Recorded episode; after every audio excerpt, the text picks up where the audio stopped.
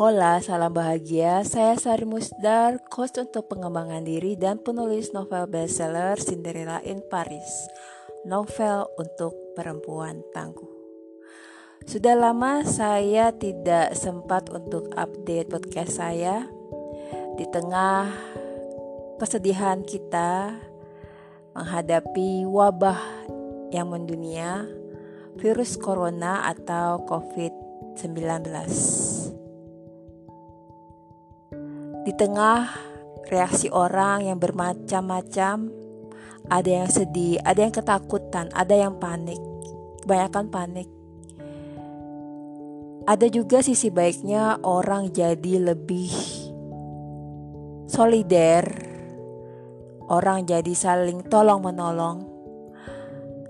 Tapi mungkin perkecualian di Indonesia, terutama di media sosial, sayangnya masih ada riak-riak apa namanya noise keributan yang nggak penting mestinya yang bikin energi yang sedang kurang baik menjadi lebih buruk.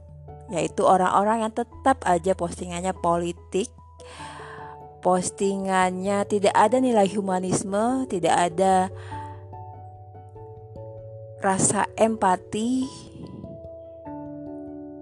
mereka malah menyebarkan hoax atau menyebarkan kekhawatiran dan lain-lain.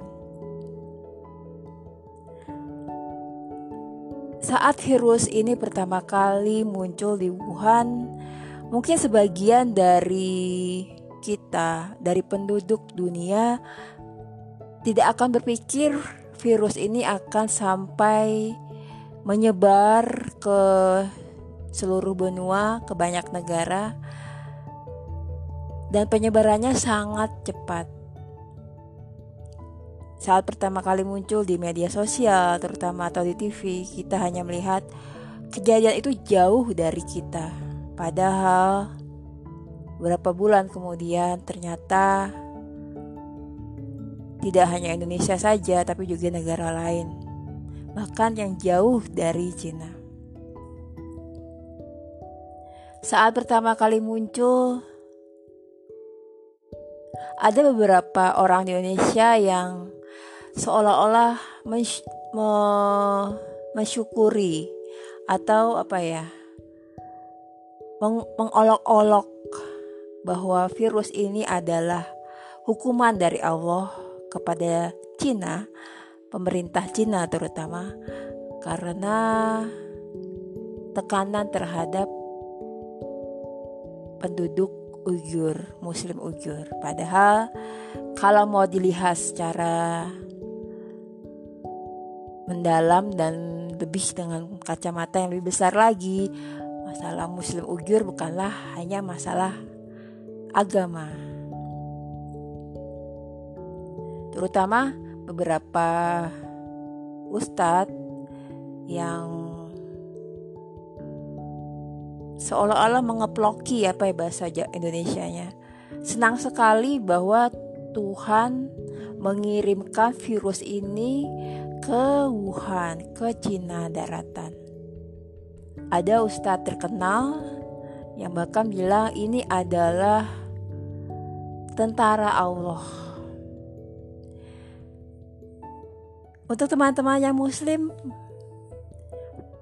di surat Al-Kahfi kita belajar tentang cerita Nabi Musa dan Nabi Khidir. Nabi Musa yang mengikuti Nabi Khidir dan tidak sabar melihat hakikat dari setiap peristiwa.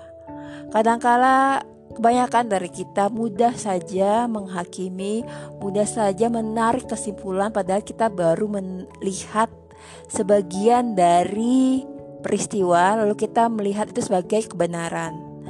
Sama seperti beberapa orang yang menyukur-nyukurin ya bahasa Indonesia apa yang tepat ya.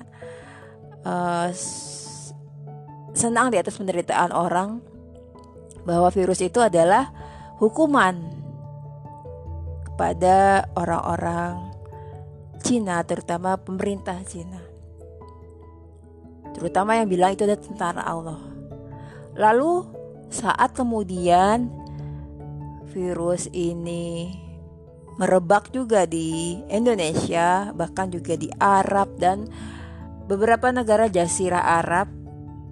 Lalu sang ustadz meralat ucapannya. Bagaimana mungkin tentara Allah juga menyerang muslim, terutama saat pemerintah kerajaan Arab menunda ibadah umroh dan kemudian bahkan menutup uh, masjid di sana kecuali Masjid Nabawi dan Masjid Masjidil Haram. Baru kemudian beberapa hari kemarin Masjid Nabawi di Madinah benar-benar ditutup. Kadang-kadang karena ego kita dan nafsu kita, kita mudah sekali menghakimi suatu peristiwa tanpa berusaha untuk sabar melihat sebenarnya apa sih di balik hikmah ini. Terutama bagi yang muslim, kita tahu panduan kita adalah Al-Quran dan hadis. Itulah panduan kita. Tetapi sebenarnya setelah Al-Quran, Pernahkah kita berpikir bagaimana caranya Allah berkomunikasi dengan manusia karena sudah tidak ada nabi lagi?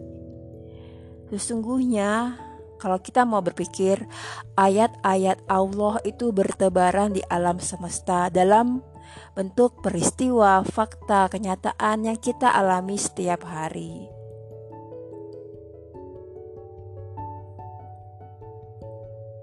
Justru Iqra tidak hanya terbatas pada Al-Quran, tapi juga pada ayat-ayat yang bertebaran. Kita bisa melihat bagaimana caranya Allah berkomunikasi dengan kita. Entah ini kebetulan atau tidak, tapi saya yakin tidak ada kebetulan di alam semesta ini. Allah sudah mengatur setiap kejadian, bahkan detilnya dengan sangat sempurna. Di Indonesia saat ini merebak di saat ada banyak upacara keagamaan beberapa agama di Indonesia yang Nasrani sedang mengalami masa pasca prapaskah ada yang puasa ada beberapa rangkaian peristiwa yang mestinya harus dihadiri dan sebentar lagi akan menjelang misa Paskah. Yang Islam selain juga ada sholat Jumat setiap hari Jumat nanti akan menghadapi puasa bulan Ramadan. Yang beragama Hindu juga akan merayakan acara ogoh-ogoh dan lanjutkan dengan yang lainnya.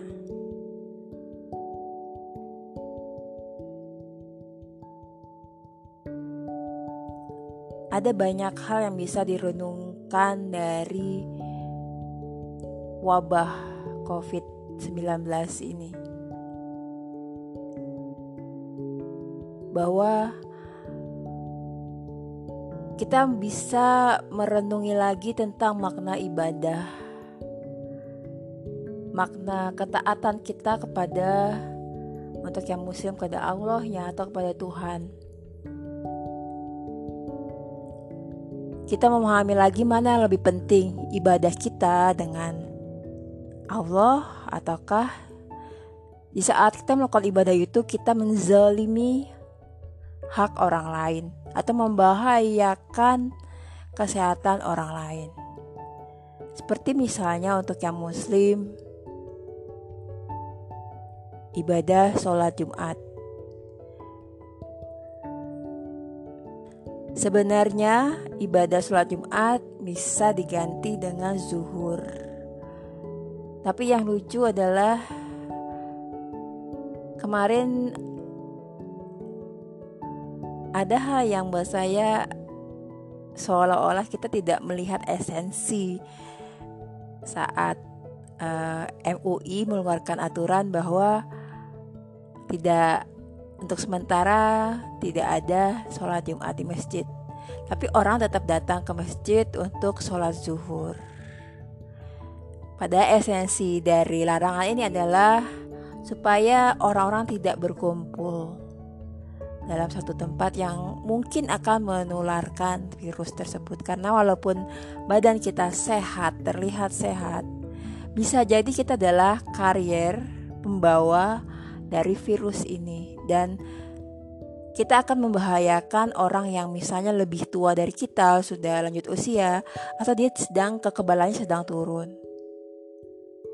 Bayangkan kita ber, berseteru seperti yang di Bandung, orang marah-marah saat masih jadi tutup eh, dan bilang ini pemerintah PKI. Apakah dia nggak ngebayangin gitu ya? saat dia datang di masjid itu bersama orang banyak, bisa jadi entah dia menularkan penyakit, menularkan virus sebagai karier, atau dia tertular. Kalau dia tertular mungkin dia dosanya saya nggak nggak nggak tahu sih kadar dosanya ya. Tapi misalnya dia menularkan ke orang lain, entah itu ada berapa puluh orang, berapa ratus orang, ada yang 10 mungkin terjangkit. Lalu 10 orang ini menularkan lagi ke orang lainnya. Sehingga akhirnya menjadi berapa ratus, dari ratusan, ribuan. Berapa banyak yang sudah kita zolimi. Orang yang kita tulari, dokter-dokter yang terpaksa, dokter dan para medis dan segala orang yang harus kerja keras untuk membuat kita sehat. Kita sudah menzolimi banyak orang. Mana yang kita pilih? Kita memuja Allah sebagai zat yang kita taati, kita tunduk kepadanya, tapi saat kita melakukan worship, kita melakukan ibadah itu, kita menyakiti makhluk ciptaan yang kita puja. Padahal gak dosa juga kalau kita sholat sebagai pengganti sholat Jumat adalah sholat zuhur di rumah. Mungkin sholat kita akan lebih tenang karena kita ber, kita tidak khawatir akan tertular. Kita lebih khusyuk.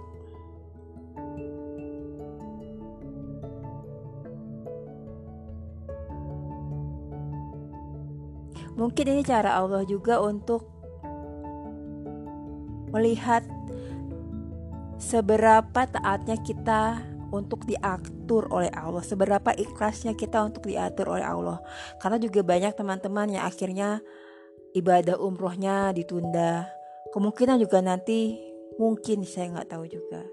Ibadah hajinya juga ditunda. Ini adalah cara Allah untuk melihat menguji seberapa ikhlasnya sih kita, seberapa taatnya sih kita kita bilang aku beriman kepada Allah, tapi kita nggak pernah diuji. Tapi kita marah-marah saat pemerintah Allah melalui pemerintah mengatur kita supaya kita tidak membahayakan orang lain, supaya kita juga nggak dibahayakan orang lain. Dan ini banyak hikmahnya dari wabah corona ini. Sebenarnya Allah mengajak kita untuk saling menekan ego, untuk bekerja sama, menahan ego, diam di rumah, kecuali orang-orang yang memang butuh untuk mencari nafkah. Supaya tidak menulari virus ini ke orang lain. Dan sebisa mungkin kita menolong orang yang kesulitan ada teman-teman saya yang menolong uh, sufi, supir ojek online ada yang mengumpulkan urunan untuk membantu memberi apa membeli APD alat uh, alat-alat kesehatan untuk dokter yang kesulitan karena diborong oleh orang lain atau mungkin ada yang menimbun. Nah ini kan jahat banget ya yang nimbun ya. Di saat kesulitan ini bukan mempermudah. Dan banyak sekali sebenarnya kita bisa melihat kebaikan yang benar-benar baik dan yang semu di saat di Cina sudah mulai pulih, sudah mulai nol yang terinfeksi, Cina datang untuk memberikan bantuan ke beberapa negara di Asia dan juga Eropa. Ke Italia, ke Spanyol, ke Serbia, ke Afghanistan dan lain-lain. Jack Ma yang orang sangat kaya raya, pengusaha kaya raya di Cina, melalui yayasannya memberikan bantuan juga. Banyak orang memberikan bantuan. Banyak orang yang tergerak untuk saling gotong royong untuk membantu. Tapi juga ada yang orang panik karena takut. Sebenarnya wajar juga ya sebagai manusia. Takut akan mati takut akan kekurangan bahan lalu membeli. Entah itu sembako tisu masker hand, sanitizer banyak banget gitu. Akhirnya ada yang benar-benar butuh malah nggak gak kebagian gitu. Sebenarnya Allah sedang Tuhan sedang menguji kita semua sebagai manusia ciptaannya. Apakah kita mau menahan menekan ego kita untuk membantu orang lain dan mencegah virus ini makin menyebar kita harus saling tolong menolong. Dan kita harus ikhlas harus rela diatur oleh Allah.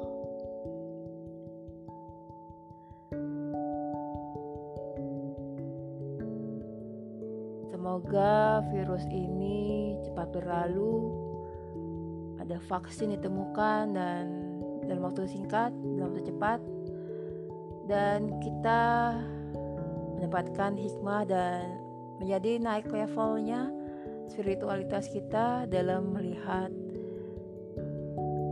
agama kita, melihat hubungan kita dengan Allah, hubungan kita dengan sesama makhluk di bumi, dan kita lebih menghormati bumi di mana kita tinggal. Karena satu kerusakan di suatu negara berakibat juga kerusakan di alam semesta, terutama di bumi. Dan saya nggak habis pikir kalau masih banyak beberapa orang di Indonesia, terutama dari pihak oposisi atau atau juga mungkin yang dianggap buzzer dari pemerintah atau partai lainnya yang tidak bisa membedakan kapan dia harus menjadi manusia, kapan dia harus menjadi oh, apa ya namanya buzzer kah, apakah oposisi kah? Ini saatnya kita jadi manusia.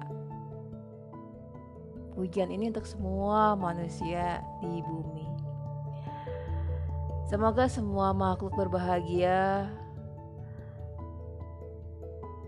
Kalau ingin kontak dengan saya, bisa DM ke Instagram saya di Sari Musdar.